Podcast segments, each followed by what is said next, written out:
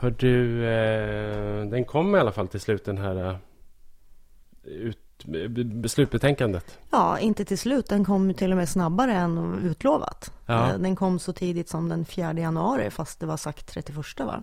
Ja, Mm. så var det. Och inte blev det så himla mycket rabalder om den heller direkt kan man inte säga. Nej, Det jag har inte skrivit så jättemycket om den. nej, och det kan ju också bero på att den kom inför 13-dagshelgen och mitt Mm. i ledigheter och, och så. Ja, eh, det- Och det är till och med så att man undrar om de tidigare la den. Eller först tänkte jag det. Har de tidigare lagt den nu för att de ska presentera något jätteobehagligt som de vill ska gå folk förbi? ja eller, eller att var- den har men- blivit så urvattnad så att den skulle begravas. Den liksom. är ju liksom, ja, ja. lite ur, urvattnad. Ja, det kan man väl, det kan man väl säga att den är. Det måste man ändå säga. Men, eh, och sen är det väl, känns det väl kanske också som att det inte direkt heller någon, en, en bibba papper som eh, människor kastar sig över och läser. Nej, det är ju lite avskräckande. Ja. En landsbygd i, vad, vad heter utredningen? Alltså vad står det? Den en, heter en eh, sammanhållen landsbygd. För Sveriges landsbygder, en sammanhållen politik för arbete, hållbar tillväxt och välfärd. Otroligt hett. Inte direkt. Och den är ganska omfattande dessutom. Den är ju i Nu, det, den långa versionen i papper. Eh, Det är ändå en klump på liksom 280 sidor. Mm. Men vi har läst den. ja, det Ja. har vi. Ja. Var det roligt? Eh, Alltså, det, det, ja, delvis. Alltså det är faktiskt, jag kan faktiskt erkänna att det är en liten passion jag har. Jag älskar generellt att läsa statliga utredningar. Jaha. Jag tycker på riktigt att det är kul. En person som gränsar till en perversion. Ja, nej men jag tycker, jag tycker att det är roligt faktiskt. Ja. Eh,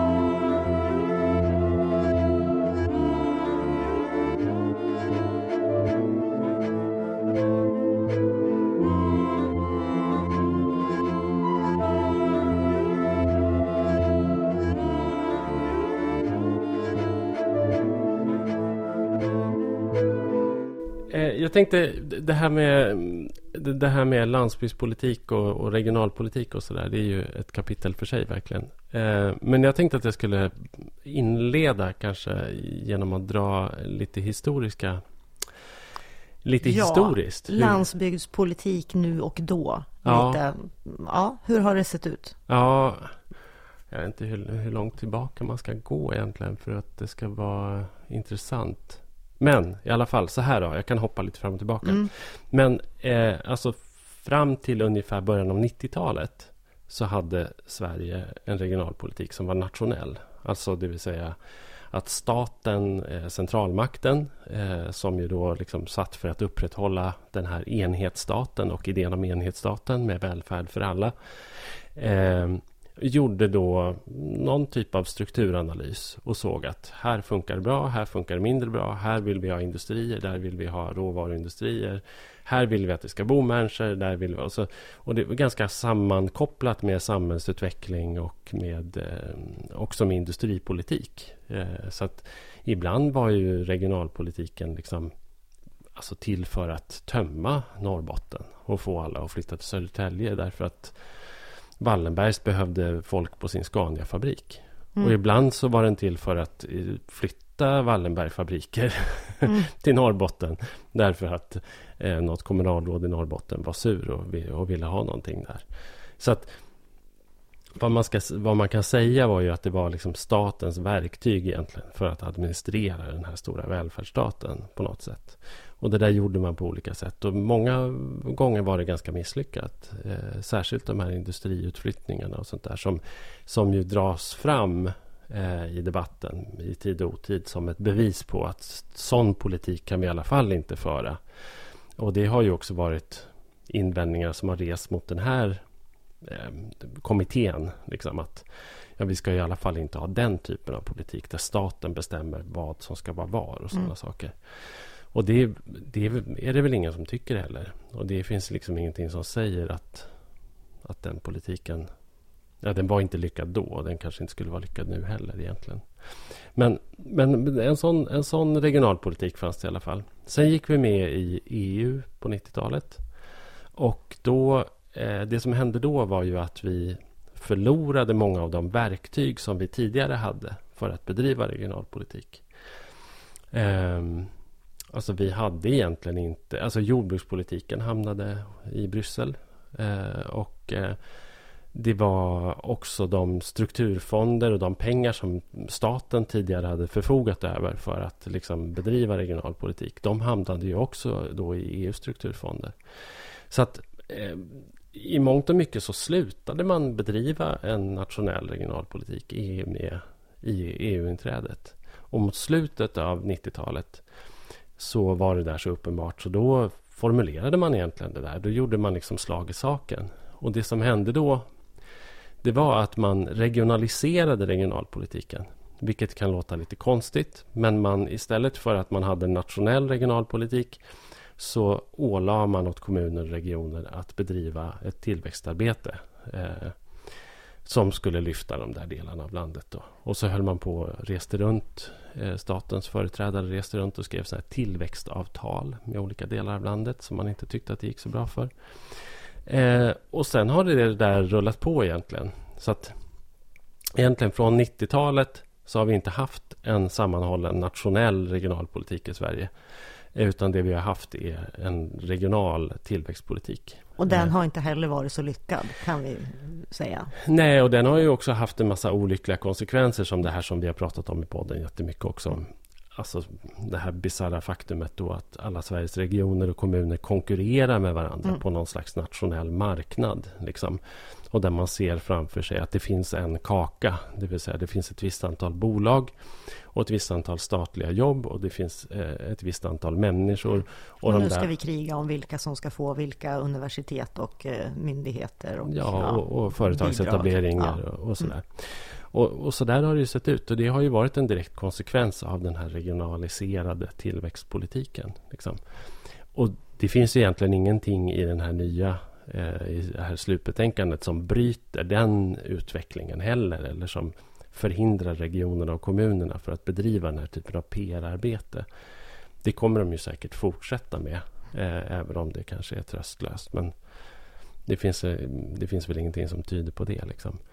Men så där så, så där har det ju sett ut egentligen. Och det här eh, slutbetänkandet då från Landsbygdskommittén är ju egentligen det första försöket på kanske 20-25 år att försöka ändå eh, göra sig från statens sida en slags samlad bild och eh, leverera då något slags paket av samlade lösningar för att, att räta upp den här ojämna eh, utvecklingen och de eventuella orättvisor som finns. Liksom. Eh, nu ska inte jag föregå våra diskussioner men, men eh, en sak som jag känner väldigt starkt är ju att det finns ju ingenting i, den här, i det här slutbetänkandet som riktar in sig på själva orsaken till obalansen. Utan det är ju egentligen saker som kompenserar för det. Mm. Ja. Eh, det är väldigt mycket punktinsatser. Sen, sen har vi redan sagt att, att eh, vi tycker båda två att den är urvattnad. Men det är också en, en alltså så det är nästan en förutsättning om mm. den ska få brett parlamentariskt stöd. Eh, att, att den är lite urvattnad, att de kontroversiella förslagen inte finns för de skulle ändå inte ha gått igenom. Ehm, och då kan vi passa på att säga då att, att ehm, den här utredningskommittén består av representanter då från alla riksdagspartier. Ehm, och man säger nu då att eh, alla dessa åtta är överens om skrivningarna i den här utredningen och då säger det sig självt att för att de här ska ha kommit överens så mm. måste det ha pågått en väldigt mycket eh, kompromissande mm. i sakfrågor. Ändå så är det ju så att i slutet av utredningen så har ju då alla allianspartier och Vänsterpartiet och Sverigedemokraterna skrivit eh, några tilläggsord. Mm. Som, som åtminstone jag uppfattar som att man friskriver sig inför sina egna.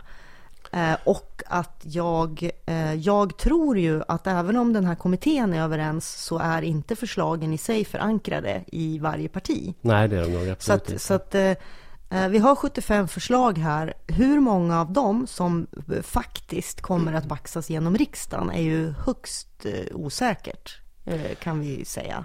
Ja, verkligen. Mm. verkligen. Och, och det är i sig ganska dystert därför att jag tror ju också att om det ska hända någonting, om, om, om det liksom ska bli någon impact av det här överhuvudtaget, så tror jag inte att man kan liksom behandla den här, liksom det här slutbetänkandet heller som någon typ av smörgåsbord, utan de måste nog liksom egentligen hela paketet, hela batteriet mm. av förslag genomföras. Eh, för att annars så blir det liksom bara ja, små marginella punktinsatser med, med liksom inte särskilt stora konsekvenser. Varken positiva eller negativa skulle jag säga. Mm. Så att, ja. Ja, nej, men eh, det kan du ha rätt i. Men det ska ju också ut på remiss. Jag menar, det är inte bara det att det ska tas genom riksdagen, utan det är en, en lång rad remissinstanser som ska tycka till. Och det kan nog komma eh, diverse invändningar eh, även i den processen. Ja, ja. Kan ja, vi visst. förvänta oss. Ja, men, men ska vi hugga in på Ska ja. vi hugga in på de här då?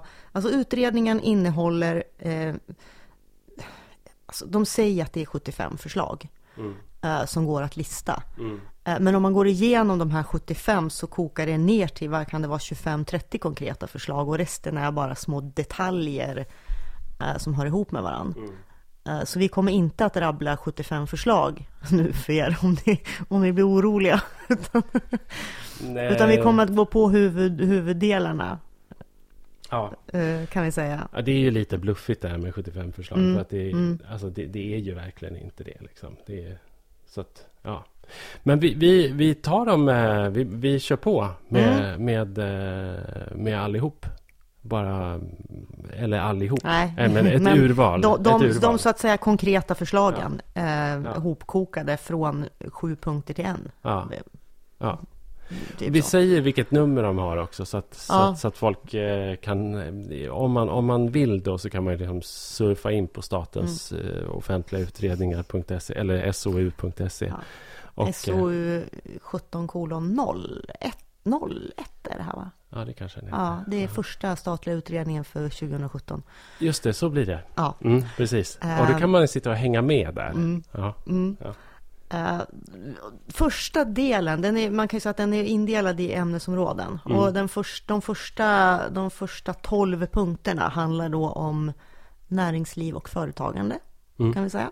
Uh, olika typer av uh, bidrag och ja, förstärkningar, vad vi nu ska kalla det. Vi hoppar direkt till punkt fyra. Mm. Um, Då ska vi se. Har du, har du, har du den framför dig nu? Det är så otroligt. Det är så torrt. Eh, jag kan, jag kan, jag kan, ja, det är jättetorrt. Mm. Men det är då att eh, Vinnova ges i uppdrag att ta fram arbetssätt för att skapa förutsättningar för innovationer för företag i landsbygderna Eh, genom att bland annat vidareutveckla sitt arbete med att nå ut med innovationsstöd via rådgivare och forskare som är närvarande i landsbygderna och särskilt stödja innovationer som utvecklar lösningar och produkter för en snabbare omställning till biobaserad samhällsekonomi. Alltså det låter helt fruktansvärt när man läser det här högt. Mm. Men så är det ju med. Men du uh, gillar ju det. Du... Ja, men, men hur sammanfattar vi det här? Alltså man ska särskilt stödja helt enkelt innovationslösningar eh, som eh, bidrar till en snabbare omställning till biobaserad samhällsekonomi. Det är alltså en klimat och miljö Ja, och det är väl tacknämligt. Och det, det. pratas mm. det ju ofta om också som, som liksom en när man ska eh, från politiskt håll argumentera för att vi behöver en landsbygd mm. Eh, så är det ju för att landsbygden också har en väldigt stark roll att fylla i den här eh, då omställningen till en biobaserad liksom, bilflotta eller, eller uppvärmningar eller överhuvudtaget liksom, den ekologiska omställningen så är det ju det är ju faktiskt på landsbygden som både råvarorna och maten finns. Mm. Så att, vi kan också säga att även, även i punkt tre här innan så handlar det om att främja fossilfri och biobaserad samhällsekonomi. Mm. Så att det finns, det finns med i flera, flera punkter här. Mm. Eh, vad de också tryckte på när de presenterade den här utredningen eh, som jag tycker är viktigt, det är ju det här att staden behöver landsbygden. Mm, för en hållbar utveckling.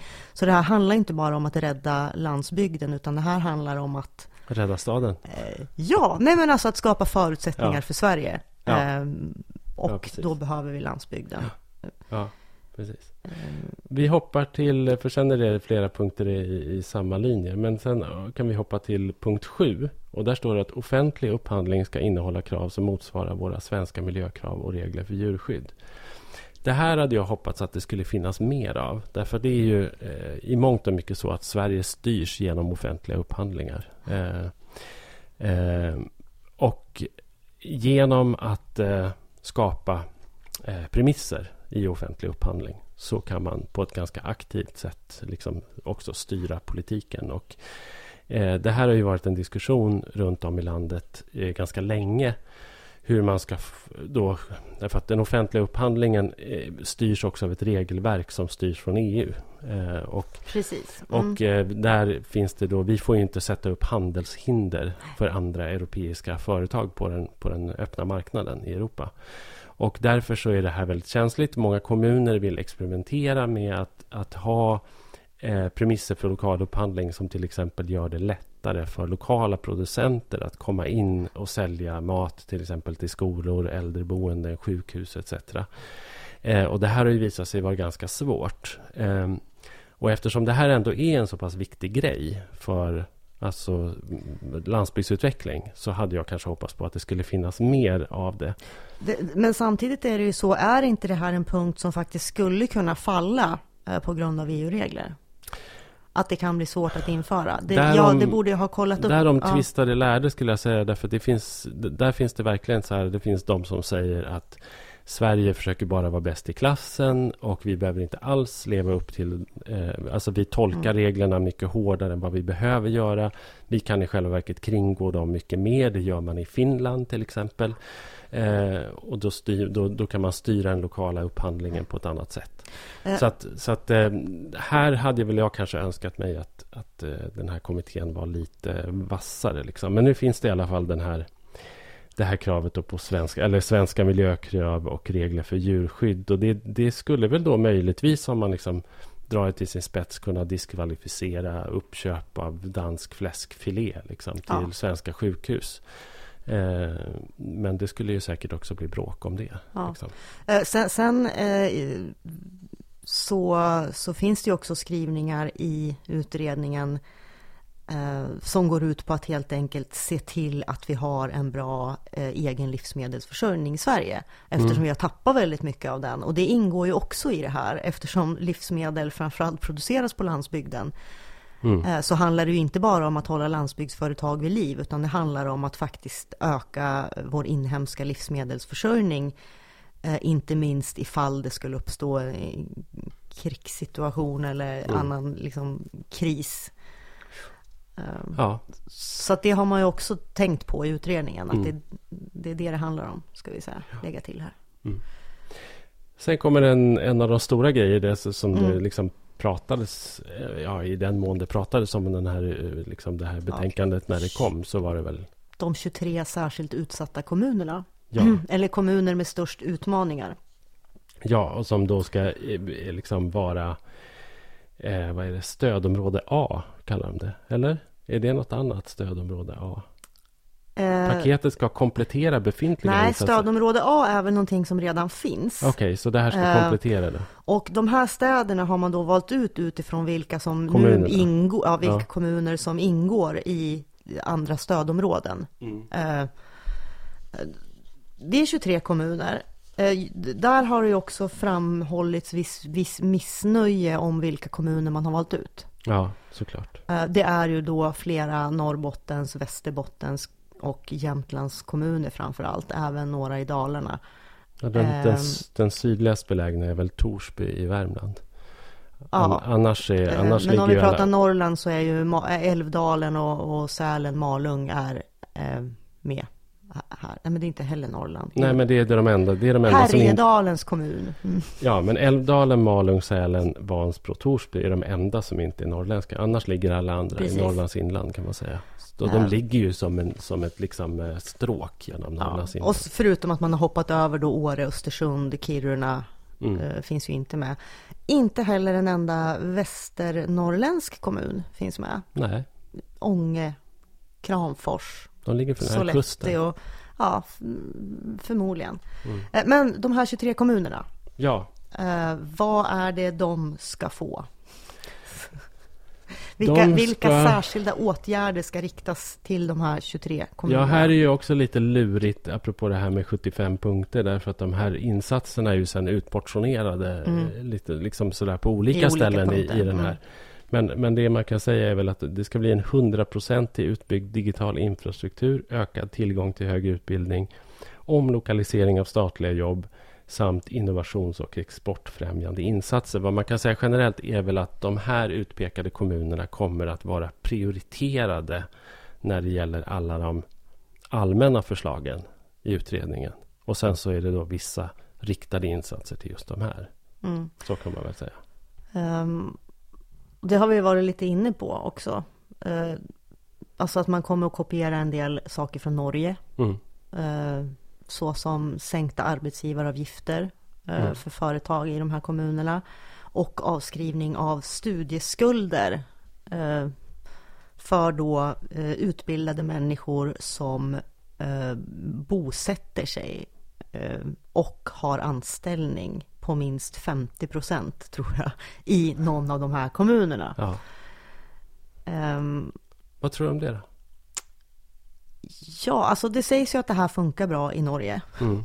Um, och gör det det så tycker jag absolut att det är någonting att testa. Och när det gäller sänkta arbetsgivaravgifter så tycker jag att det tycker jag att man kan sänka lite på andra ställen också. Men, men ja, så det tycker jag är bra.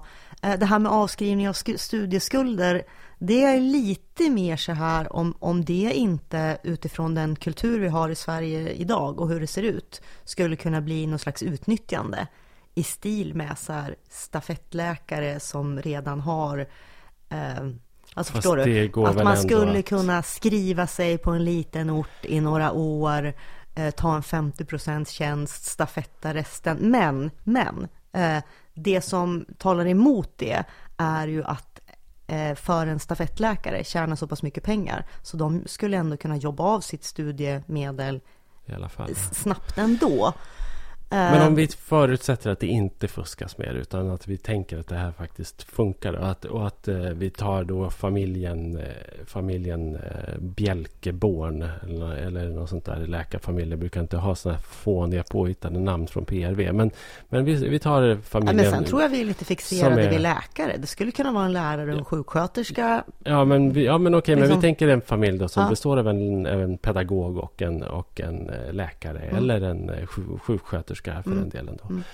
Och så väljer de att eh, flytta till, eh, låt oss säga, Arjeplogs kommun. Mm. Eh, och då kommer ju de göra det eh, när de precis har mm, gått ut sina utbildningar.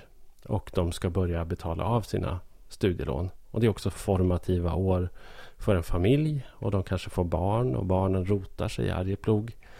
Eh, och jag bara målar ja, upp ett ja. slags drömscenario här. Ja, och där det faktiskt då slutar med att familjen Bjälkeborn eh, bosätter sig i Arjeplog. Mm. Och det gör också sex andra familjer. Gör också det. Eh, familjen eh, Ilkemyr och... Eh... Vilka härliga namn du hittar på. Ja, absolut. Ja, och, och, uh, ja, men ja. Och sen så helt plötsligt så finns det då ett slags eh, kluster av inflyttade akademikerfamiljer i Arjeplog som eh, går in på ICA och säger att de vill ha pinjenötter och som, och som startar ett eh, lokalt föräldrakooperativ eh, med en ny pedagogisk inriktning och eh, inte fan vet jag. Det, det, kan leda till, eh, det kan leda till bra saker. Eh, och sen så, och sen Absolut. så, och sen, sen så genom den här trickle down effekten så sipprar det här ner till de vanliga Arjeplog. Nu skämtar jag. Men, men jag, för jag kände vart det var på väg. Ja, du men, vill ha de här pinjenötterna. Nej, men eh, det som är ofarligt med det här förslaget just när det gäller studieskulderna, det är också det att om ingen nappar så kostar det heller ingenting. Nej, precis. Eh, och är det någon som nappar så är ju det bra, även om det bara skulle vara under några år kanske. Mm. Så, så kan det vara bra att generera någonting bra för, för den platsen. Ja. Eh, Så att på det sättet är det ju ett, ett ganska harmlöst förslag. Och vi ska också säga att det inte är hela studiemedlet som skrivs av. Nej. Utan det är en viss procent per år under fem år. Mm. Eh, Så, att, så att det är inte som att de blir skuldfria Nej. för att de nappar på det här. Ja. Varför det också är, eh, tycker jag då, tveksamt om så många kommer att, att tycka att det är en tillräckligt bra deal. Ja, precis. Men den kanske går att vässa också om man inleder det. Om man känner att det inte ger önskad effekt så får man väl kanske liksom bättra på incitamenten lite. När det gäller arbetsgivaravgifter då, så Vänsterpartiet kan man ju säga, deras, eh, deras invändning som ligger i, i, liksom, eh, i appendixet Mm. där, det är ju, det är ju mot eh, införandet av, av liksom diversifierade arbetsgivaravgifter. De vill inte ha det. Eh, jag kan konstatera att i Norge där det där funkar ganska bra så, så har de ju en mycket enklare princip eh, för, för liksom de här diversifierade arbetsgivaravgifterna. Det är helt enkelt olika zoner eh, där man, där man eh, ser då att Oslo är en stark marknad. De som är nära Oslo har en fördel av att vara nära Oslo. Och de som är långt ifrån Oslo eller långt ifrån marknaden, de har en nackdel av att vara långt ifrån. Och då har man sänkt arbetsgivaravgifterna i steg ju längre bort från marknaden man kommer. Mm. Och eh, den typen av enkla eh, sätt att, att liksom diversifiera arbetsgivaravgifterna på tycker jag är bättre. Försöka göra det rättvist. Ja. ja. Eh, och, det, och det är klart att det gynnar ju då... Alltså sen finns det ju jättestarka företag inom olja och gas i Nordnorge som gynnas jättemycket av det här.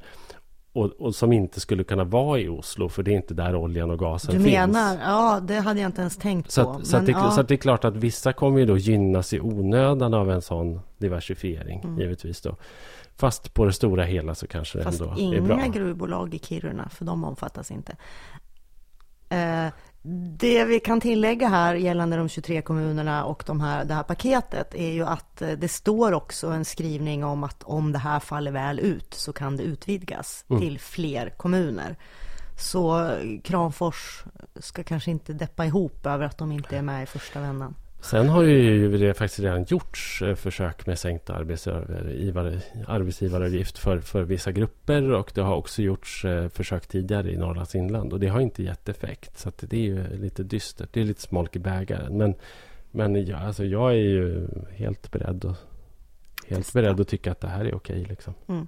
Ja, men, men, men det du säger nu säger ju också att det går ju inte heller att bara jämföra Norge och Sverige rakt av. Nej, Och, och det handlar ju om att vi ändå har byggt upp en helt annan landsbygdskultur och glesbygdskultur under alldeles för många år. Mm. För att samma saker som funkar där bara ska gå rakt Nej, och flytta hit. Och på något sätt så tycker jag att alltså, så här, den analys de har gjort i Norge tycker jag är rätt sund ändå. Liksom, eller den är mera rak. I, i Sverige så, så är det ju liksom ett jag säga, idogt förnekande av att, av att vi har olika förutsättningar i olika delar av landet.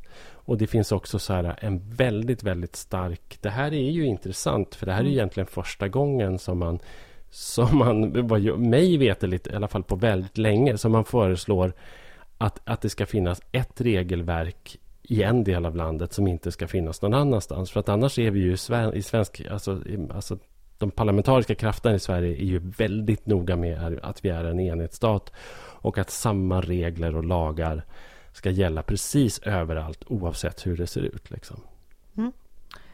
Ehm, ja, ska vi gå vidare? Absolut. Mm. Eh, Då kommer vi in på nästa, nästa område. Mm. Och det är egentligen ganska, alltså jag vet inte om det finns så här jättemycket att säga. Eh, Det handlar om digital, digital kommunikation och eh, transportinfrastruktur. Mm. Alltså bredband och järnväg och väg. Och där har vi då punkt 13 som säger att eh, alla i hela landet ska ha tillgång till digital infrastruktur med överföringskapacitet med minst 100 megabit per sekund senast 2025. Mm. Och det finns det då en bred enighet om. Det som jag har emot det, det är att det överhuvudtaget är med i den här i det här slutbetänkandet. Ja, och det känner jag nästan också. Är det verkligen det en landsbygdsfråga? liksom? Det är en liksom? självklar fråga. Det har liksom, den har stötts och blötts och eh, Eh, det kom ju faktiskt löften om det här redan i höstas, eh, mm. innan eh, utredningen. Ja. Och det är, som har sagts jämfört så många gånger, liksom en infrastrukturfråga i nivå med liksom el. Ja, och varför ska, ska det vara tillgång till och, el Och nu utmålar man det mm. lite grann som en, som en allmosa till landsbygden ja, och det känns rätt sunkigt. Precis, men det, den är väl en sån där punkt som vi kan säga helt säkert att den faktiskt eh, kommer att bli av i varje fall beslutsmässigt. Ja, Sen om det genomförs praktiskt. Men, men ingen kommer att, att opponera sig mot det beslutet i alla fall. Nej, det tror jag inte. Förhoppningsvis uh, inte. Uh, här, här uh, ja. Sen är det jättemånga punkter som bara handlar om olika detaljer hur det här ska gå till. Mm. Och, och, hur det ska upprätthållas och så vidare. Ja. Och, och framåt efter 2025 hur man ska säkerställa säkerheten i uppkopplingen ja. och sådär. Um, ja, och som egentligen inte är enskilda förslag. Så att det, det nej, precis. försvinner de, de ganska många ihop. punkter. Liksom. Uh, Vad hade vi markerat här? 24, punkt 24. Länsstyrelserna kom... ges i uppdrag att redovisa landsbygdens behov av underhåll och investeringar i transportsystemet i planeringsunderlaget till länsplanerna för regional transportinfrastruktur. Och den hänger ihop då med punkt 25, att Trafikverket ges i uppdrag att ange specifika objekt eller andra åtgärder i landsbygderna eh, som ska prioriteras i transportplaneringen på regional nivå. Mm. Eh, det är ju så här ganska luddiga grejer som handlar om underhåll av järnväg och vägar. Mm. Eh, ja, det är inte mycket att säga om det egentligen. Nej, och, och, och det är också sånt här som känns Alltså jag hade ju velat se eh, staten eh, anslår så här många miljarder för att bygga ny räls. Ja. Nej, men, så här, men, ja. men, men det här är verkligen eh, ingenting. Nej, och det är också så här. Eh, jag kan tipsa om att eh, om man går in på eh, SVT Västerbottens hemsida Eh, så är, där är de väldigt pigga på att göra journalistik av, av landsbygdspolitik.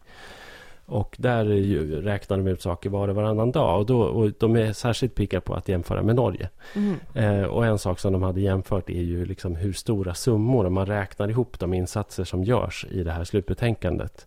Hur stora summor blir det? Och, och sen så hade de ställt det mot de summor som man årligen lägger i Norge på landsbygdspolitiken.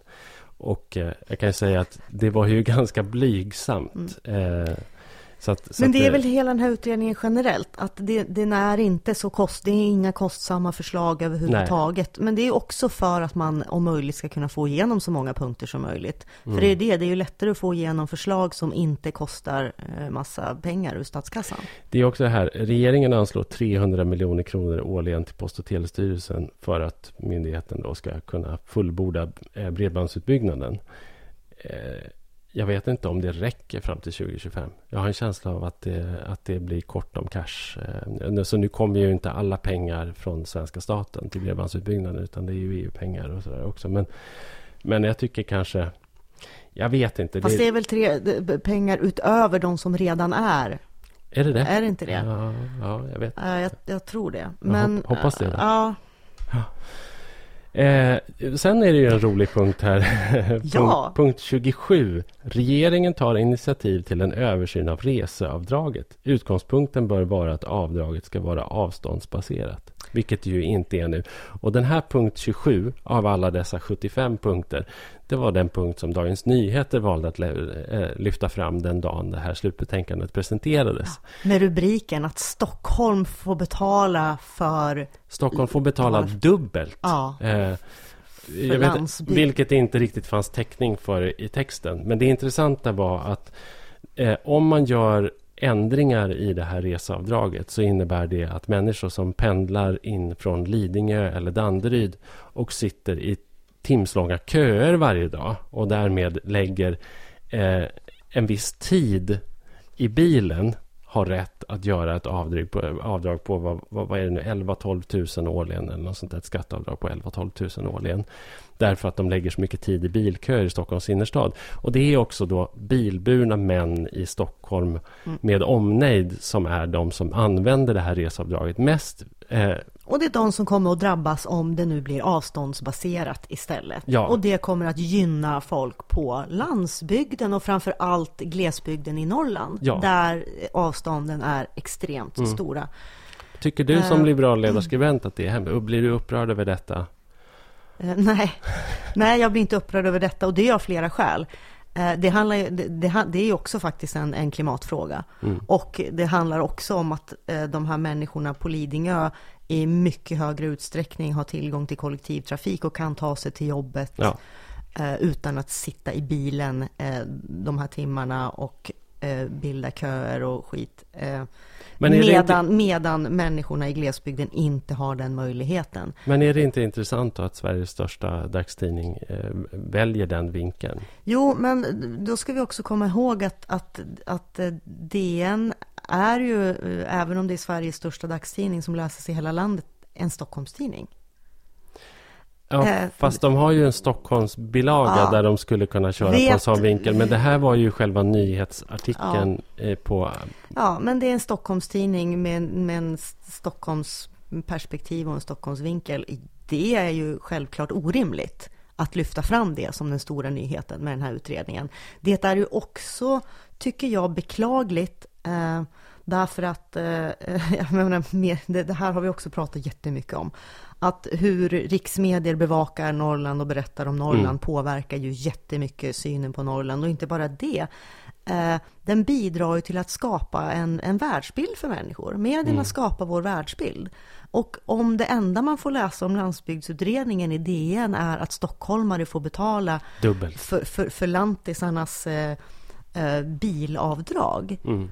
Eh, så får man en väldigt skev bild av hela den här utredningen av landsbygden och ja, allting. Själv, det är så, så att nej, det, jag var lika upprörd som du ja. över den här ja. Eh, vinklingen. Mm.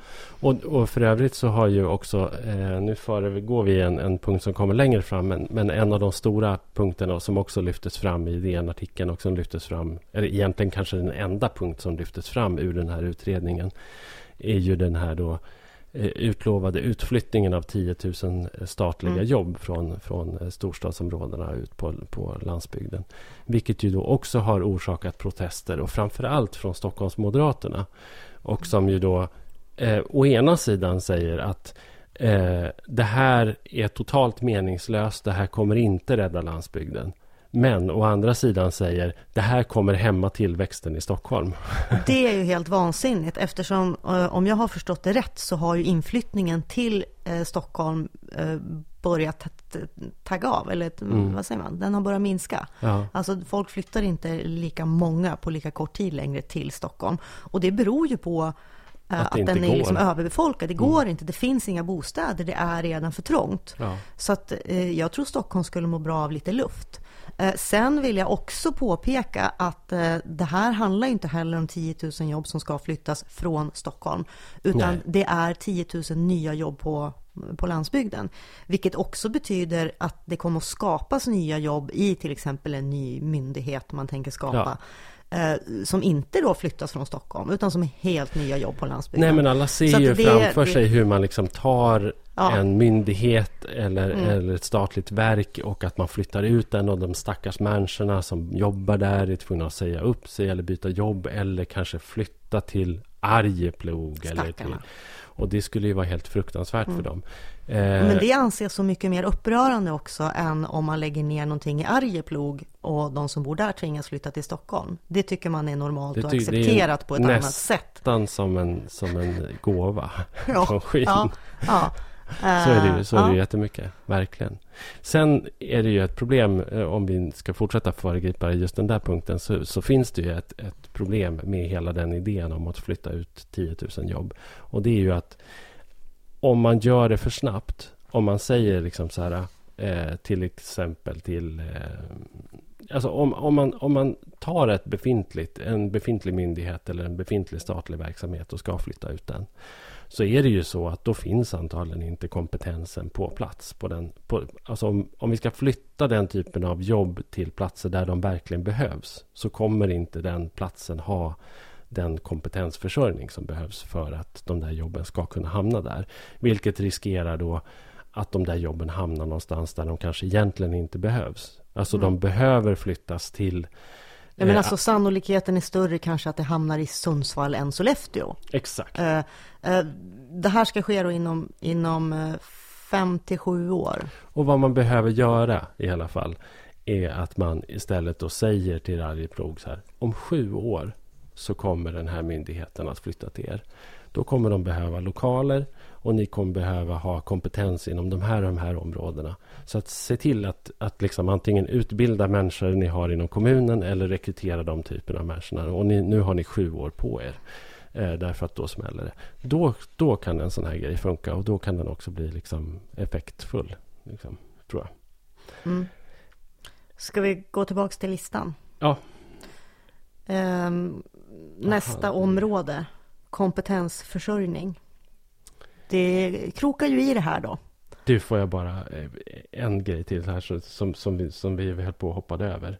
Eh, som jag tycker är rolig. Okay. Eh, det var bara det här, punkt 29. Regeringen underlättar så att ideell och kostnadsdelande samåkning blir tillåten i landsbygderna. Det tycker jag är toppen. Mm. Men det här, jag tycker också att det är, så här, det är lite verklighetsfrånvänt. Därför att det är så mycket idag som är modernt. Eller liksom så här, den, den mest moderna näringsgrenen just nu är ju delningsekonomi. Mm. Eh, men det är så otroligt svårt att genomföra eh, liksom koncept för delningsekonomi på landsbygden. Mm. Eh, så jag tyckte bara att det var lite roligt att det var med där. Ja, Nej, ja, strunt samma. Ja, ja. Kompetensförsörjning. Ja, kompetensförsörjning som då, som då hänger ihop med det här med utflyttande av myndigheter. Eh, ja. Ja, men alltså det gör det ju. Eh, då har man ett förslag. Universitet och högskolor ges i uppdrag att öka tillgängligheten till högre utbildning i hela landet. Eh, och punkt 33 att regeringen ska säkerställa att det finns utbildningscentra för högre utbildning i kommuner i FA-regioner utan högskola och universitet och med få lärcentra samt i kommuner som berörs av kommitténs näringslivspaket, alltså de här 23 kommunerna. Mm. Uh, jag var lite skeptisk till det här först, uh, men... men uh, ja, varför var du det?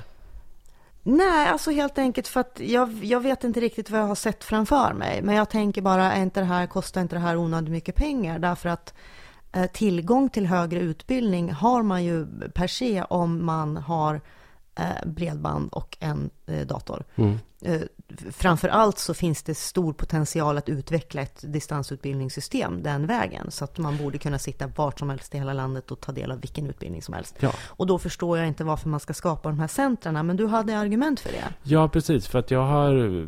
Alltså dels så bor jag i en kommun som har ett sånt här centrum. Men sen har jag också varit på flera andra sådana runt om i landet eh, när jag åkt runt. Och det finns ju en poäng med, med att, att liksom samla det ändå fysiskt i ett hus. Därför då kan det vara liksom sex personer som pluggar på Socialhögskolan i Umeå. Eh, om det nu finns en sån i Umeå, jag vet inte. Men säg att sex mm. personer pluggar på Socialhögskolan på distans i alla fall. Och då kan de göra det tillsammans. Och då kan man ha en lokal handledare som hjälper dem med studier. Eh, och, eh, och det finns lokaler. Och man får kurskamrater. Eh, så att det blir lite mera som att gå på högskola och universitet. Och det, och det blir också en social grej. Och man får liksom den draghjälpen. Mm. Och det finns en fysisk plats att gå till. Och det är bara att, jag som är en sån ensamvarg som tycker att, ja, som inte ser liksom poängen med det här sociala nej. eller att ha klasskamrater. Eller... Jag är ju likadan. Jag skulle ju säkerligen också sitta hemma ja. och, och, göra det. Men för väldigt många så är det helt otänkbart. På samma ja. sätt som det är otänkbart för de allra flesta att vara frilans. Ja, jag bara, sticker, jag bara liksom... gör ett litet instick här eh, med en lyssnarreaktion. Att bero på, som vi har pratat om, att eh, även om det finns bredband så har det inte exploderat av folk som sitter och jobbar på landsbygden nej, hemma med bredband. Och någon som sa, nej men det är för att folk vill ha arbetskamrater. Ja. Folk vill inte sitta hemma och jobba. Och jag tror att det är och, det, och jag tror att det är helt enkelt för att det är så främmande för mig, den här mm. önskan om, om arbetskamrater. Ja, om du då tänker dig eh, en person som ska plugga till polis eller gå socialhögskolan eller utbilda sig till liksom något, mm. vad, vad som helst. Eh, och att alternativet är stanna, plugga hemma och ha den självdisciplinen och inte ha liksom någon att diskutera med. Fast alltså det kan man ju ha. Du kan ju diskutera, du kan ju ha liksom konferenschattar, du kan ha möten, Ja, men då ska du det kan vara ha på- liksom uppkoppling Ja, på... fast jag tror inte det funkar så. Det funkar inte så. Det, och det, det, det är liksom... eh, Nej, jag tror inte det. Nej. Dessut, dessutom så måste du ibland så ska du ha skrivningar och då kanske du liksom måste göra det på en fysisk plats där det syns att du inte fuskar och du ska liksom genomföra... Absolut. Alltså, så att, ja. alltså det finns en massa Mm. sådana saker. Och du, alltså ska du sköta en en distansutbildning helt själv, då, då förutsätter det en väldig massa resande och en väldig massa självdisciplin som folk inte har. Och då blir alternativet att de lämnar sin kommun till den där platsen där Mm. lärosätet finns. och så, och på det blir, här och så sättet- ko- kommer de inte tillbaka Ja. sen. Så att det här är ett Jättebra. väldigt... Ja, Jättebra, du har övertygat mig. Det Ja. är, Vi säger att det är ett bra förslag. Eh, tillgänglig utbildning i hela landet. mm, Eh, man ska inte behöva flytta till storstan för att gå på universitetet. Nej, precis. Och sen så om finns man ska det... få handledning och hjälp. Och, Ja. mm. Och så finns det massa punkter eh, på det temat. Liksom. Och sen så slutar det där paketet där med utbildning. Slutar med punkt 39 som handlar om eh, avskrivning för stud- studiemedel som vi redan har pratat om. Sen kommer samhällsplanering och bostadsbyggande. POs favoritämne. Haha, är det det? Ja, Ja, men alltså du, du, eller, du är väldigt intresserad av det. Samhällsplanering och du gillar kulturgeografer och ja du, det är sant. Ja. Mm. Eh, nu ska vi se vad det står där. Boverket ges i uppdrag att utarbeta vägledning för hur landsbygdernas värden och utvecklingsmöjligheter ska kunna redovisas inom ramen för den kommunala översiktsplaneringen. Jag tror att det behövs enorma insatser överlag runt om i de kommuner i Sverige, vilket ändå är de flesta, som har både stad och landsbygd. Och där det krävs liksom ett enorm, en enorm normbrytande insats för att planarbetet ska inbegripa även landsbygden och inte bara stan. Och att eh, det är dessutom så att du, det är svårt att få lån för bostadsbyggande utanför. Eh, kommunerna vill helst inte att man bygger någonting utanför centrum därför att då får de problem med, med skolskjutsar och med lokaltrafik och med annan service och med äldrevård och, eh, och gatlysen och allt vad det är. Alltså så här, om Mm. kommunernas planmänniskor får bestämma så vill de allra helst att man bygger i, i anslutning till en centralort. Eh, därför då blir det bra och lämpligt. Mm. Eh, så att liksom... Fast alltså, då, där vill jag bara så invända lite att de flesta som bygger, även människor som tänker nu ska jag flytta ut på landet eller jag bor redan på landet och vill bo kvar men nu vill jag bygga en villa liksom. Mm. Eh, Så, så tror jag att det övervägande delen håller sig i närheten av en befintlig by eller samhälle eller liksom centralort. Så att, och, och, det är ju inte för är att det, och det är inte för att det är svårt att få lån om du vill bygga en mil in i skogen. Jo, Är det så? Jo, det är det också. Är det Oh, jättemånga ja. som vill det? ja, så ska du bygga Eller- en villa själv till exempel, eh, då är det betydligt mycket lättare att få lån Ja, från det banken. förstår jag. Men hur många är det? Hur många är det som vill det? Som har Det- svårt att få lån?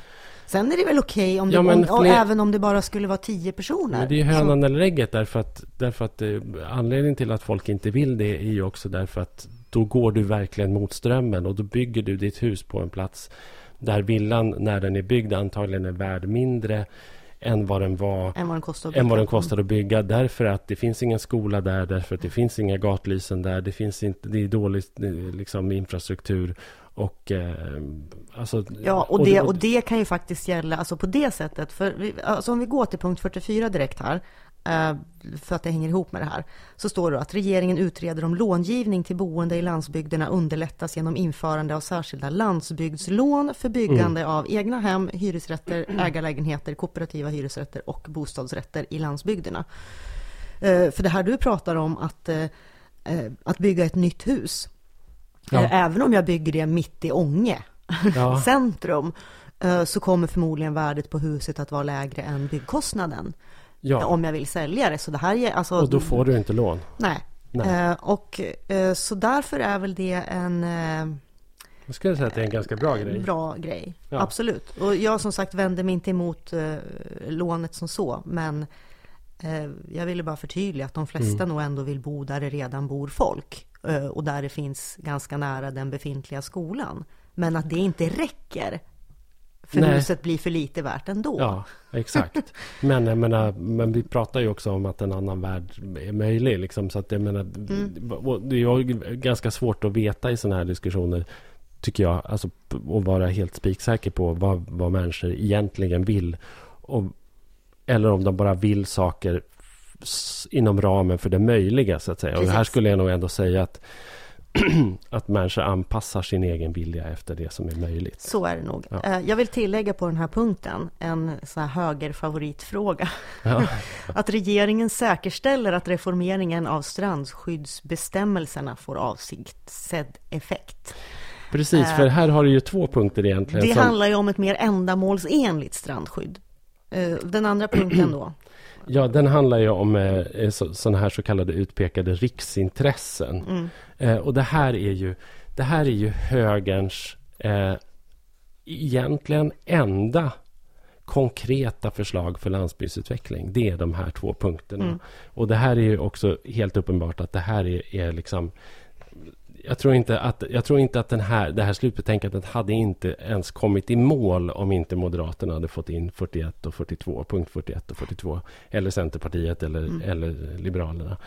Eh, KD vet jag inte ens om de har eh, tyckt någonting. Men, men det här är ju såna älsklingsgrejer. Därför att man lever med en föreställning eh, bland de borgerliga partierna att om man bara avreglerade eh, lagstiftningen och regelverket för byggande i Sverige.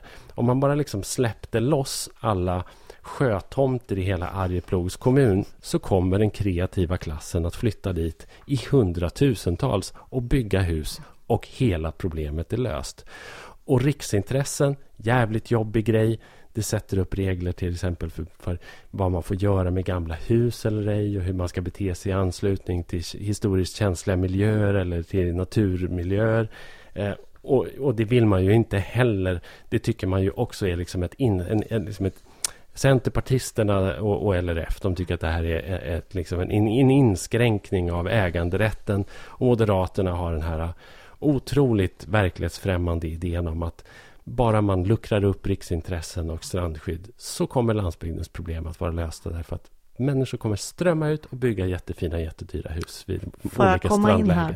Ja, eh, jättegärna. Så, så, så, vill jag säga att, eh, att båda de här punkterna, det handlar ju alltså inte om att släppa det här fritt helt och hållet, utan det handlar helt enkelt om att man ska ta olika hänsyn i olika delar av landet. Mm. Eh, om man tycker att det är trångt i Stockholms skärgård så betyder det inte att man ändrar strandskyddet där. Men om någon faktiskt, vilket ju faktiskt händer, att människor vill bygga en stuga vid en sjö, vid i, Arjeplogs sjö i Arjeplog ja. eller, eller vid kusten för den mm. delen, mm. Norrbottenskusten ja. eh, som faktiskt inte inkräktar på någonting eller Nej. någon överhuvudtaget så får de inte på grund av strand, strandskyddet. Ja. Eh, det, det, jag, jag tror eh, att det är inte jättemånga som berörs. Jag tror inte att det här är lösningen på ett problem, men jag tycker verkligen inte att förslagen, jag tycker att förslagen är bra, men jag tror inte att det är de som kommer att få liksom eh, Norrland att välta av inflyttare liksom, som vill bygga hus. Tack för det. Då är vi helt överens egentligen. Därför att jag kan också tänka mig att man luckrar upp mm. strandskyddet. Jag tror att... Jag, jag, jag, ja. men det är väl helt idiotiskt alltså, om jag vill bygga vid... Och sjö, sjöar som det redan är bebyggt runt till exempel. Jag tror inte, jag tror inte man liksom ska gå ut i skogen och få bygga vid vilken liksom, vildmarkssjö som helst givetvis. Men om det, redan, om det redan har skett ingrepp där, om det redan finns en infrastruktur till exempel. Då kan man väl släppa på strandskyddet så det får byggas mer hus. Vid, du vill bygga ett hus på din pappas tomt liksom? Jag kan tycka att det är helt okej. Men det, det som jag vänder mig mot är den här extremt verklighetsfrånvända och naiva övertron på att det är det som ska lösa alla problem. Och som man ständigt får höra, alltså jag som är ute i så mycket debatter. Och, jag, och det är liksom två saker som jag får höra om och om igen. Och det är så här bredband och slopat strandskydd. Och, sen så tror de att saken är biff. Och så tror de så här att de har, ja ah, nu har jag listat ut det.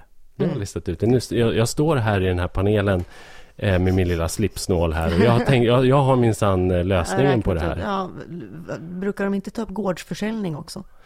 Nej, det har blåst över lite grann det med gårdsförsäljning. Jag vet inte. Men, men det var ju på tapeten ett ja. tag. Men det är inte med i, nej. som en nej, punkt. Nej, det är inte det. Vi släpper den. Den kompromissades bort antagligen. Ja. Mm. Eh, nästa område. Ja. Kommersiell service, välfärdstjänster och kultur. Väldigt Ja. bred, bre, brett område som innehåller då endast sju punkter. Ja, det är lite konstigt också. Mm. Men det finns ju en viktig eh, punkt här och det är ju att eh, det är ju punkt 46 där regeringen avvisar i beredningen av postlagsutredningens betänkande de förslag som innebär en försämring av postservicen i landsbygderna. Och det är ju så här ganska, det är, klar, det är klarspråk. Och, och det ställer sig det ju uppenbarligen den här kommittén bakom, fastän det står att det är regeringen som avvisar. Mm. Annars skulle det inte finnas Ja, fast det är ju en regeringens utredning. Det är, Ja. alltså, det, det, är, det är en statlig utredning beställd av regeringen. Jag vet inte om det är därför Den, man det är en får- statlig utredning beställd av regeringen, utförd av en centerpartistisk politiker som då konstigt nog, fastän Centern är landsbygdspartiet, har eh, kommit med en rad förslag som skulle fullkomligt eh, kollapsa eh, utbärning av brev och paket i Mm. svensk landsbygd. Hur som helst så, så, så det, det, finns ju fler skrivningar om det här i utredningen Mm. och det är ju eh, skrivningar som kommittén är överens om. Ja. Eh, Det vill säga man ska stoppa eh, mer eller mindre planerad försämring Ja. av postservice i landsbygderna. Mm. Eh, Så att det in- innebär ingen, ingen innovation på något sätt eller, eller någonting nytt utan man stoppar helt enkelt en försämring. Ja. Mm. Eh, För att säkerställa postutdelning eh, på landet. Det är faktiskt en ganska bra eh, förutsättning Den är också liv. ganska självklar. Ja. Punkt 47 är, är också intressant och det är ju ett eh, problem för landsbygdsföretag är ju att det inte finns någon kontanthantering. Så Mm. att om du till exempel bedriver en verksamhet och du har fått in en dagskassa på 12 000 kronor så har du ingenstans att göra av dessa kontanter. Eh, det finns, för det finns inte en bank inom 40 mils radie som vill ta emot de där pengarna.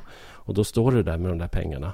Eh, så att eh, därför så, så finns det liksom då eh, en idé om att man ska tvinga banker att hantera kontanter igen. Mm. Och det tror jag också är en ganska bra idé. Eh, vad var punkt 48? Jo, eh, det är ju intressant. Regeringen lägger fram förslag med syfte att anpassa det kommunala utjämningssystemet till ändrade förutsättningar samt gör en översyn av statsbidragen till kommunerna. Det känns, alltså det där är ju en jättepunkt och som ligger under kommersiell service, välfärdstjänster och kultur. Det är otroligt märkligt, men jag tror att det, det är så här. Eftersom eh, välfärdstjänster i väldigt hög grad hanteras av kommuner och landsting, eller Ja. nästan, nästan i stort sett bara av kommuner och landsting, och det här är en statlig utredning, så är det här, alltså det är väl ett av de få verktyg som regeringen, staten har eh, för att faktiskt förändra saker eh, i, i kommuner, alltså som ligger Ja. under kommuner och landsting, nämligen genom statliga bidrag. Ska vi bara kort Och repetera det vad det... här, eh, det här kan vi då bara säga att den här översynen av statsbidragen till kommunerna, att, att förslaget innehåller, vilket inte, inte står här, eh, handlar ju om att man ska ändra bidragen från att ge liksom riktade bidrag som kommunerna får söka. Till exempel nu kan ni söka, nu finns det så här många miljoner för kommunerna att söka Mm. för särskilt stöd till barn i skolan. Mm. Liksom. Ja. Och det är öronmärkta pengar och det är ett ganska krångligt ansökningsförfarande som kräver ganska stor kunskap och resurser hos kommuner, vilket gör att många väldigt små kommuner inte ens söker de här bidragen fastän de behöver dem. Eh, Och, och eh, det här förslaget innebär då att man tänker ändra de här riktade statsbidragen och, och dela ut generella bidrag till kommunerna. Mm. Här får ni en klump, ni får använda den där ni tycker att det passar bäst. Och det är ju en fortsättning egentligen på, det, på, alltså på den resa som skatteutjämningssystemet har gjort. Egentligen från att ha varit från början riktade bidrag Mm. till att bli mer generella. Jag kan ju också sakna och det, här sätter ju liksom fokus också på vad jag saknar i hela den här utredningen. är ju en större analys av skatteutjämningssystemet som är kanske absolut bästa verktyg vi har för att utjämna Mm. skillnader i landet. Och som inte används. Därför att som det nu är idag så eh, utjämnar ju skatteutjämningssystemet egentligen bara för tre saker. Det är vård, det är skola och det är omsorg. Eh, men jag tycker att skatteutjämningssystemet skulle kunna gripa över fler saker. Alltså om vi nu tänker oss liksom att vi ska ha ett välfärdsland och jag tycker att, nu, nu bara för att jättekort formulerar jag min drömregionalpolitik här. Men jag skulle väl kunna, alltså jag tycker ju att man borde sätta sig ner parlamentariskt så bestämmer man sig att de här sakerna ska alla medborgare var de än bor ha tillgång till inom rimliga gränser. Eh, och eh, det är statens uppgift att se till att det blir så. Mm. Och nu är de sakerna då vård, skola, omsorg. Där ska ingen medborgare, oavsett var den bor någonstans i landet, ska vara utan de här kvaliteterna. Och så skickas det då runt pengar i landet därför att, för att utjämna för, för skatteintag i olika kommuner. Men jag tycker till exempel att kultur borde adderas till det. Kultur och fritid borde också adderas till det som då kompenseras för skatteutjämningssystemet. Det, Mm. Vi kan lägga på fler saker också. Mm. Men till exempel tillgång till kultur borde vara en sån punkt som, man, som skatteutjämningssystemet också liksom utjämnar för. Då, då är frågan, för det vet inte jag, om man nu tänker att man ska dela ut ett generellt statsbidrag till kommunerna eh, och eh, man har en fungerande vård och omsorg men däremot eh, skulle vilja satsa mer på kulturen. Mm. Kan man då göra det? Hur, hur begränsade kommer de här? Det vet vi inte.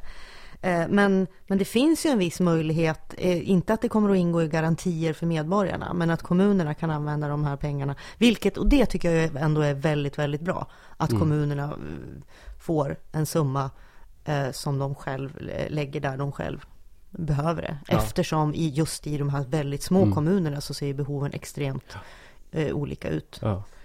Men här är i alla fall en punkt. Den här punkten är ju formulerad på ett sätt så här. Regeringen lägger fram förslag med syfte Mm. att anpassa det kommunala utjämningssystemet.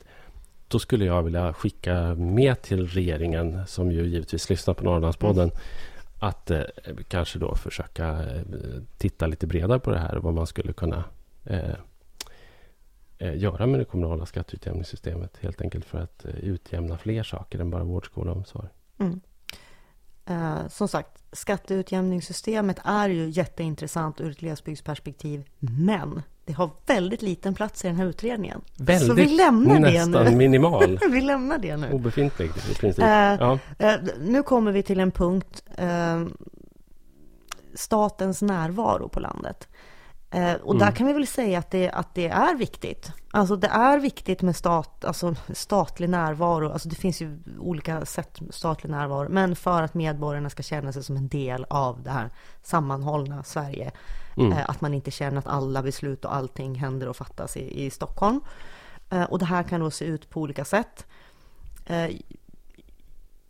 Jag, eh, vi har ju redan tagit upp det här med den här utflyttningen av statliga Ja. eh, myndigheter.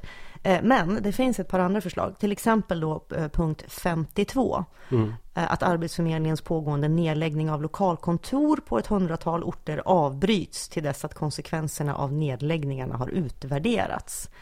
Eh, Det tror jag åtminstone på kort sikt, för det här vet vi inte heller hur länge man kommer att bromsa det här, ändå kan ha betydelse för många små orter. Klart Att man får har. ha kvar Arbetsförmedlingen ett par år. Sen har jag väldigt många åsikter om Arbetsförmedlingens vara eller icke vara överhuvudtaget. Vem har Men- inte det? men, men om vi nu har en arbetsförmedling är det jättebra att de finns kvar på de här orterna. Eh, punkt 53. Eh, regeringen ställer konkreta tidsatta krav på hur snabbt polisen ska vara på plats vid allvarliga brott. Mm. Eh, och det, eh, det är faktiskt en ganska intressant sak eh, med tanke på att eh, det finns milsvida områden i Norrlands inland där det inte finns några poliser. Där de inte ens kommer om du ringer om ett mord i princip. Nej. Och där det inte heller sker särskilt många brott. Nej, det vet vi också att det sker inte så många brott och folk känner sig trots eh, frånvaron av polis ganska Mm. trygga. Men eh, det jag tror ändå att det kan ha vara viktigt för att inte känna sig övergiven att veta att om det kommer en dåre och börjar meja ner folk här Mm. så kommer polisen att vara på plats inom någon form av rimlig Mm. tid. Eh, tror jag ändå kan öka någon i, i, kanske inte trygghetskänslan, men förtroendet för staten eller Mm. för, för liksom samhäll, alltså stärka samhällskontraktet. Mm. Eh, För jag tror inte folk går omkring och är rädda att någon bara plötsligt ska gå och skjuta ner folk i obygden sådär. Men, men det stärker det här samhällskontraktet. Så det tycker jag är bra. Jag tycker att det är dåligt, vilket ju eftersom polisen är statens så kan de säga så här. De kan inte säga, eller det finns ju ingen motsvarande för ambulanser till exempel. Det Nej. bestämmer landstingen själva, så är det. Exakt. Varje landsting kan Mm. själv, eller region då, kan själv bestämma en maxtid för ambulansen. Men det finns ingen, ingen eh, lagstiftning eller reglering från staten. Eh, så att, eh, så att Sen Och, är och det ju- tror jag faktiskt också, eh, att bero på återigen det här att, att jag tror att den här utredningen, hur bra eller liksom dålig den än är, så tror jag att det är så mycket som fattas som är de här de här delarna som på riktigt skulle stärka samhällskontraktet och känslan av att inte vara övergiven av staten. Och det handlar ju om vård, skola och omsorg. Mm. Alltså att, att eh, man vill ha tillgång till en vårdcentral eller en förlossningsklinik eller vad det nu är Mm. inom rimligt avstånd. Man vill att ens barn ska kunna gå i en skola utan att skickas liksom sju Ja. mil bort. Och, Men ansvaret Ehm, för det har och- staten lämnat över på landsting och på och, kommuner. Men de att- sakerna ligger ju ja. landsbygdsborna närmare och därför är jag liksom tveksam till om den här utredningen har någon effekt för det som jag också tror att man vill uppnå. Och det Stefan Löfven nu vill uppnå med att lägga fram det här. Åh, nu tänker vi på er på landsbygden. Därför att eh, för, för, för liksom enskilda individer på landsbygden så är det här det är väldigt svårt att, att ta de här förslagen och, och konkretisera vad, liksom, hur påverkar de Mm. min vardag? Inte alls, skulle jag säga i de flesta fall här. Nej. Ska också sägas Mm. att det är inte Löfvens initiativ, eh, Nej. den här utredningen, Nej. utan det är ju Men Vänsterpartiet han har börjat som... prata om, om landsbygd. Han har verkligen gjort det. Han har verkligen spottat upp sig på den punkten. Mm. Så, att, så, att, Mm. eh, så är det. det. Jag kan också... eh, Det finns en väldigt bra blogg som drivs av Charlotta Melander på, som är professor i nationalekonomi på Handelshögskolan i Jönköping. Eh, som heter Verticals eller Vertikals. Eh, och där har hon bland annat tittat på eh, tillgången på poliser eh, och jämfört det med tillgången på systembolagsanställda. Eh, och då är det ju så att alla kommuner i hela Sverige har ju eh, minst fyra eller fem eh, systembolagsanställda. Eh, Medan på många håll så finns det inte en enda anställd polis. Så att det finns ett större eh, liksom, det finns ett större nätverk av systembolag och systembolagsanställda än vad det finns Mm. polisstationer och polis, eh, polismän. Mm. Och jag tror också att det för väldigt många på glesbygden är viktigare. Eh, Det, det kan vara eh, viktigare, och, och, men, men där kan man ju också se hur, hur politiken... Alltså det, för jag tycker att det, det roliga med det, det finns ju en logisk förklaring Mm. till att det är så. Och det är ju att vi har ett systembolagsmonopol i Sverige. Och för att vi ska få ha det monopolet så måste ju också monopolet se till att Alla att får människor- tillgång. alla får tillgång till det. Eh, Men vi har ju också ett våldsmonopol. Alltså polisen har ju liksom monopol på, på att lösa brott och eh, på att få använda våld.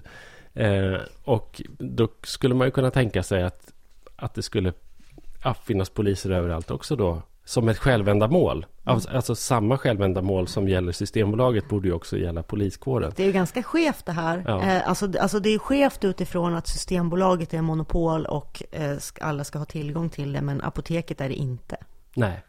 Nej visst, alltså, så det, alltså, det jag sätter bara verk- droppar det. Ja men precis och det sätter verkligen fingret på liksom också så här vad som går att nu vill ju mm, nu finns det ju krafter som vill avreglera Systembolaget och se till att det säljs på Ica och sådär. Men, men eh, om någonting avregleras och eh, man river samhällskontraktet och säger att det är upp till marknaden att lösa det. Så är det ju så, är det ju så att det, det, jag menar, det har ju verkligen historien visat. Det gynnar storstäderna och missgynnar Mm. landsbygden. Och det är tack vare att vi har ett systembolagsmonopol som man kan köpa Beaujolais Nouveau i Wilhelmina på släppdatum, på släppdatum liksom, om man nu tycker att det är roligt. Men, men, eh, men, eh, det- och det skulle inte finnas om det vore en avreglerad marknad. Men polisen är ju inte avreglerad så där finns det, vet jag inte riktigt vad hindret är. Hur som helst eh, så är väl det där, där är ju ganska, det där är ju också ganska tajta skrivningar som man får intryck av att alla partier verkligen har ställt Mm. sig bakom. Som är väldigt, väldigt tydliga. Ja, Till skillnad från jättemånga luddiga då, Ja. skrivningar här. verkligen. Eh, vad har vi sen då? Sen har vi det här med de 10 000 Ja, tjänsterna. Det har har vi liksom upp. pratat om. Eh, och eh, en, en anslutande punkt till den, punkt 59, som jag tycker också är bra eh, och som är en, en ganska sådär tydlig skrivning. När en ny myndighet inrättas ska en lokalisering utanför storstadskommunerna alltid vara förstahandsalternativet. Tydligt, bra och eh, genomförbart. Ja, ja absolut. På alla Verkligen. nivåer. Liksom. Mm. Eh, vad har vi sen då? Punkt 66 hade vi markerat. Vad var det där då? Eh, Nu är vi inne på styrning och organisering av landsbygdspolitiken. Just det. Ehm, Och där finns det en väldig massa luddiga punkter. Men, men, men alltså det här handlar helt enkelt om att man ska inrätta i varje län en landsbygdsdelegation och det handlar ju om om så att säga samordning mellan Trafikverket, Post och telestyrelsen, Tillväxtverket, Jordbruksverket, Naturvårdsverket, Polismyndigheten, Arbetsförmedlingen, Länsstyrelsen, universitet, högskolor och ja, mm. andra myndigheter, organisationer och sammanslutningar kan ingå om landsbygdsdelegationerna finner det lämpligt. Eh, och de här har då i uppgift att samordna de statliga myndigheternas verksamhet inom landsbygdspolitiken. Eh, den, den är inte heller något som enskild, liksom, gemene man kommer att märka av, men det handlar väl om att den högra handen ska veta vad den vänstra gör. Ja, så man kan det, samordna olika insatser från olika ja, myndigheter. Ja, och jag kan också tänka mig att det, att det skulle kunna innebära det som man pratar om, till exempel som en så här landsbygdssäkring.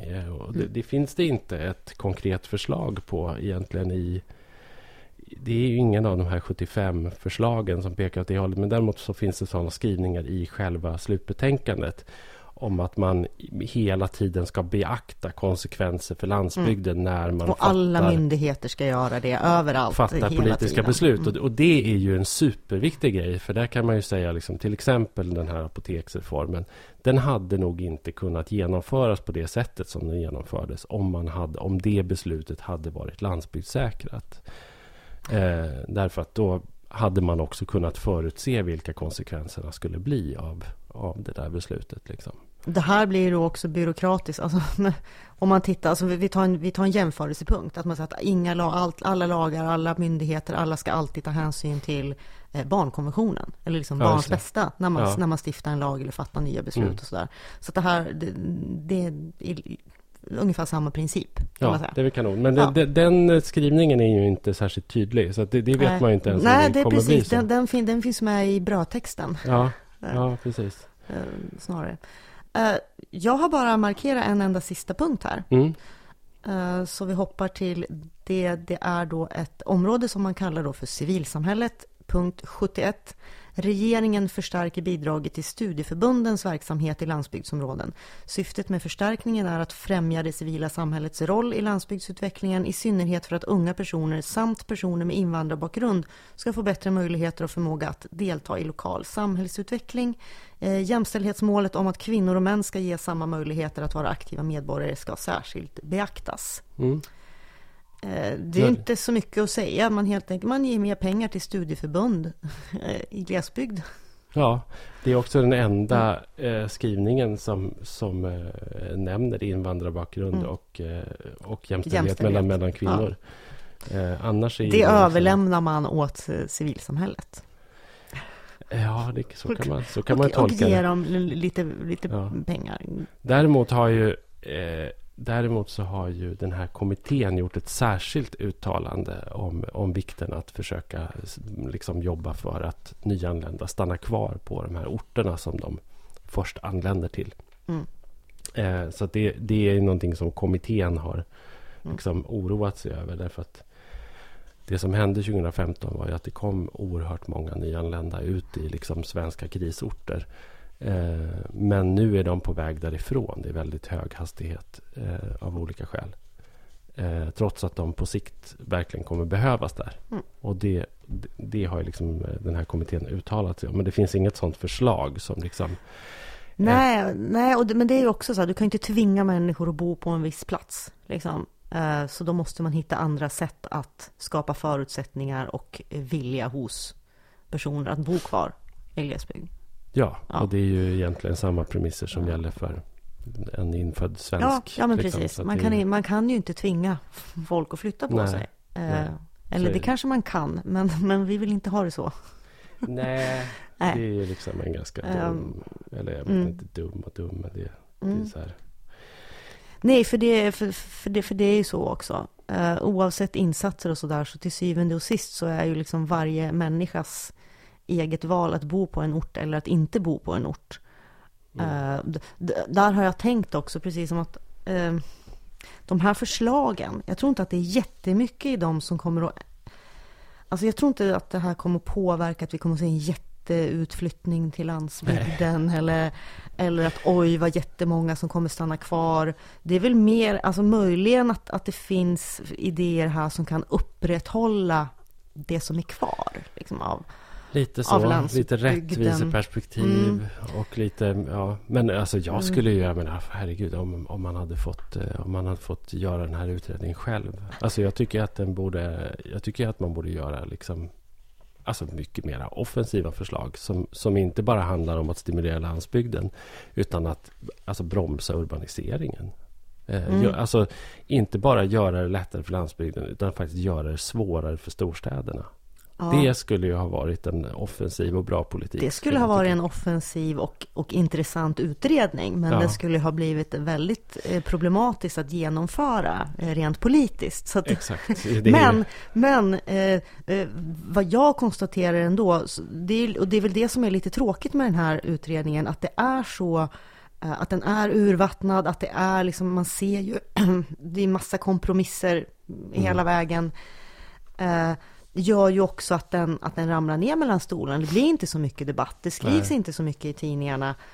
Eh, hade man tagit fram den utredningen du talar om så hade man kanske i alla fall fått en het debatt om landsbygden och ja. behoven eh, den, som, som den, hade kunnat leda den till. Får, den får vi stå för istället. Eh. Jag tycker också så här, min huvudinvändning mot, mot eh, hela den här, för det kom ju dessutom ett, ett, liksom ett betänkande förra året som på något sätt ja, var en slags grundläggande analys och som innehöll statistik och faktabitar och sånt där som liksom var som ett underlag för slutbetänkandet kan man säga. Mm. Eh, och i båda de här ändå ganska stora textsjoken så saknar jag ett resonemang som problematiserar marknadens kontra det offentligas roll i mm. samhällsutvecklingen och specifikt utvecklingen av landsbygderna.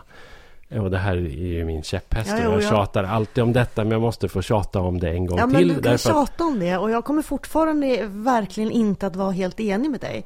Nej, och det behöver du inte vara men jag måste ändå bara mm. säga mm. att det hade kanske ändå varit bra om man hade adresserat det faktum att vi i Sverige har lämnat över på marknadskrafterna att sköta ganska mycket av det som medborgarna behöver. Men att marknadskrafterna helst vill sköta om det som storstadsborna behöver därför att det är mer lukrativt och det är enklare mm. att göra. Och det är mycket dyrare och mindre lönsamt, kanske till och med olönsamt att sköta om sånt som medborgarna behöver. Både då välfärdstjänster och också kommersiell service på landsbygderna. Och på sätt och vis så tar ju den här, det här slutbetänkandet i det problemet i och med att de försöker kompensera för det som marknaden inte vill utföra. Det är därför vi till exempel inte behöver en bredbandspolitik för, eh, för Jönköpings mm. innerstad. Därför att där finns det en mängd privata aktörer som gör det där alldeles på eget initiativ. Därför att de tjänar på det. Ja. Och därför så behöver vi inte ha den debatten. Och det där ligger på något sätt implicit. Men jag skulle ju verkligen önska att vi hade en samhällsdebatt om detta. Därför att det på något sätt så otroligt tydligt sätter fingret på liksom de grundläggande ojämlikheterna mellan stad och land. Och den, den, alltså mm. den grund, det grundläggande problemet är vi vill att marknaden ska lösa så mycket som möjligt och att politiken ska lösa så lite som möjligt. Och jag kan vara fin med det. Men då måste vi också prata om att marknaden inte vill lösa problem på vissa ställen ja, i landet. Då vill jag bara eh, säga så här då. Jag tycker att marknaden ska sköta så mycket som möjligt. Politiken ska lägga sig i så lite som möjligt. Men det politiken ska lägga sig i att göra är ju att säkerställa vissa grundläggande saker. Ja. Eh, rättssamhället, rättssystemet, det vill säga där ingår polisen, eh, också skola, vård och omsorg. Ja. Uh, och där tycker jag också att det ingår tillgång mm. till apotek. Jaha, ja, uh, ja. ja, nej, nej, men så att självklart, för att det, och, och infrastruktur. Mm. Alltså vägar och järnvägar, det är verkligen upp till staten. Och bredband? Uh, ja. ja. och det var där, men varför jag sa vägar och järnvägar är för att det finns ju så ingenting i den här nej. utredningen om det. Eller, men du tycker det, att man borde liksom avbolagisera SI och, och göra om den verksamheten till någon typ av samhällstjänst då? Uh, nej, inte riktigt så. Jag, jag talar nog mer om, om uh, järnvägsunderhåll och byggande av infrastruktur och sådär. Uh, där det nu verkar ändå vara saker på gång. Mm. att Trafikverket ska ta ett större ansvar för underhåll och sådär mm. än vad man hittills har gjort och så. Eh, vi behöver inte snöa in på det nu, men, det, men det tycker jag är bra. Ja. Eh, jag säger inte heller att jag tycker att vi ska liksom återförstatliga apoteken, men att det bör finnas någon form av eh, att man ändå från statens sida bör, precis som att man kan garantera bredband nu till folk längst ut i Mm. glesbygden, införa någon form av garanti för människor då som inte nås av eh, marknaden av olika skäl. Ja. Och det marknaden erbjuder. Mm.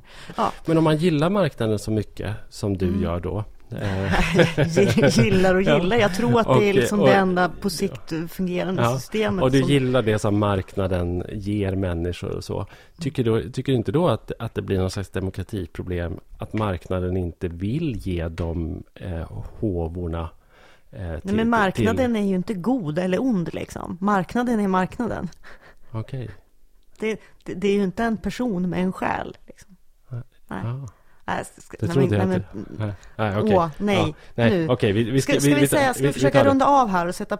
Ja, vi har gått jag- igenom utredningen. Ja, det har vi gjort. Mm. Eh, och eh, eh, jag vill bara säga en svaghet till är förstås att den inte tar itu med skattesystemet. Eh, skatteutjämningssystemet pratade vi om för en stund Mm. sedan. Eh, och det skulle den kunna alltså, problematisera och ta, ta det står in, ta inte in ett mycket ord mer. om skatter. Men eh, skattesystemet och det faktum att vi har samma eh, skattesystem i hela landet, vilket då gynnar vissa delar av landet och missgynnar andra.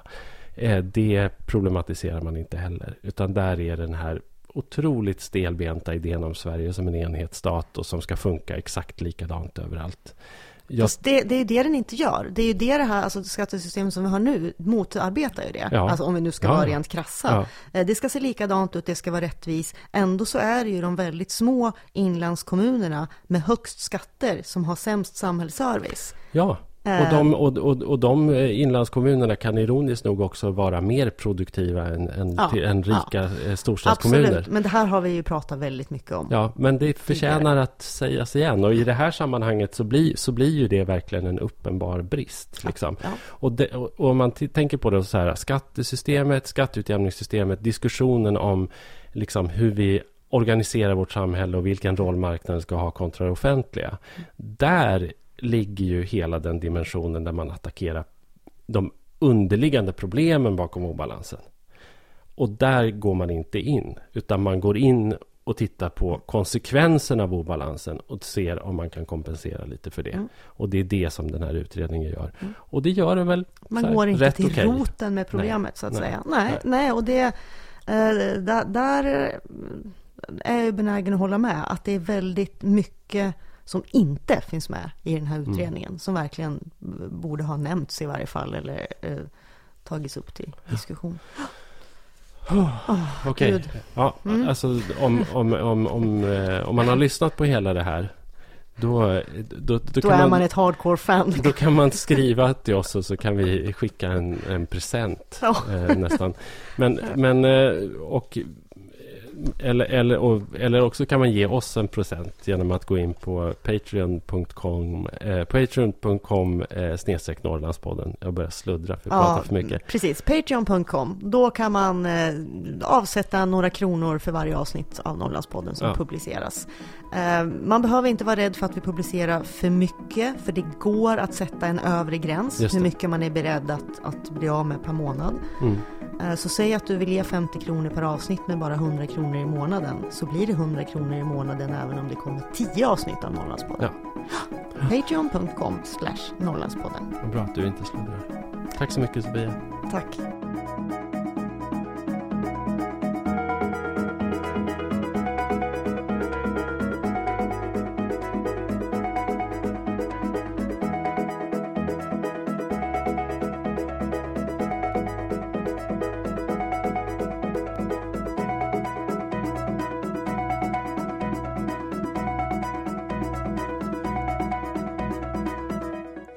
Norrlandspodden är en produktion från Teg Publishing.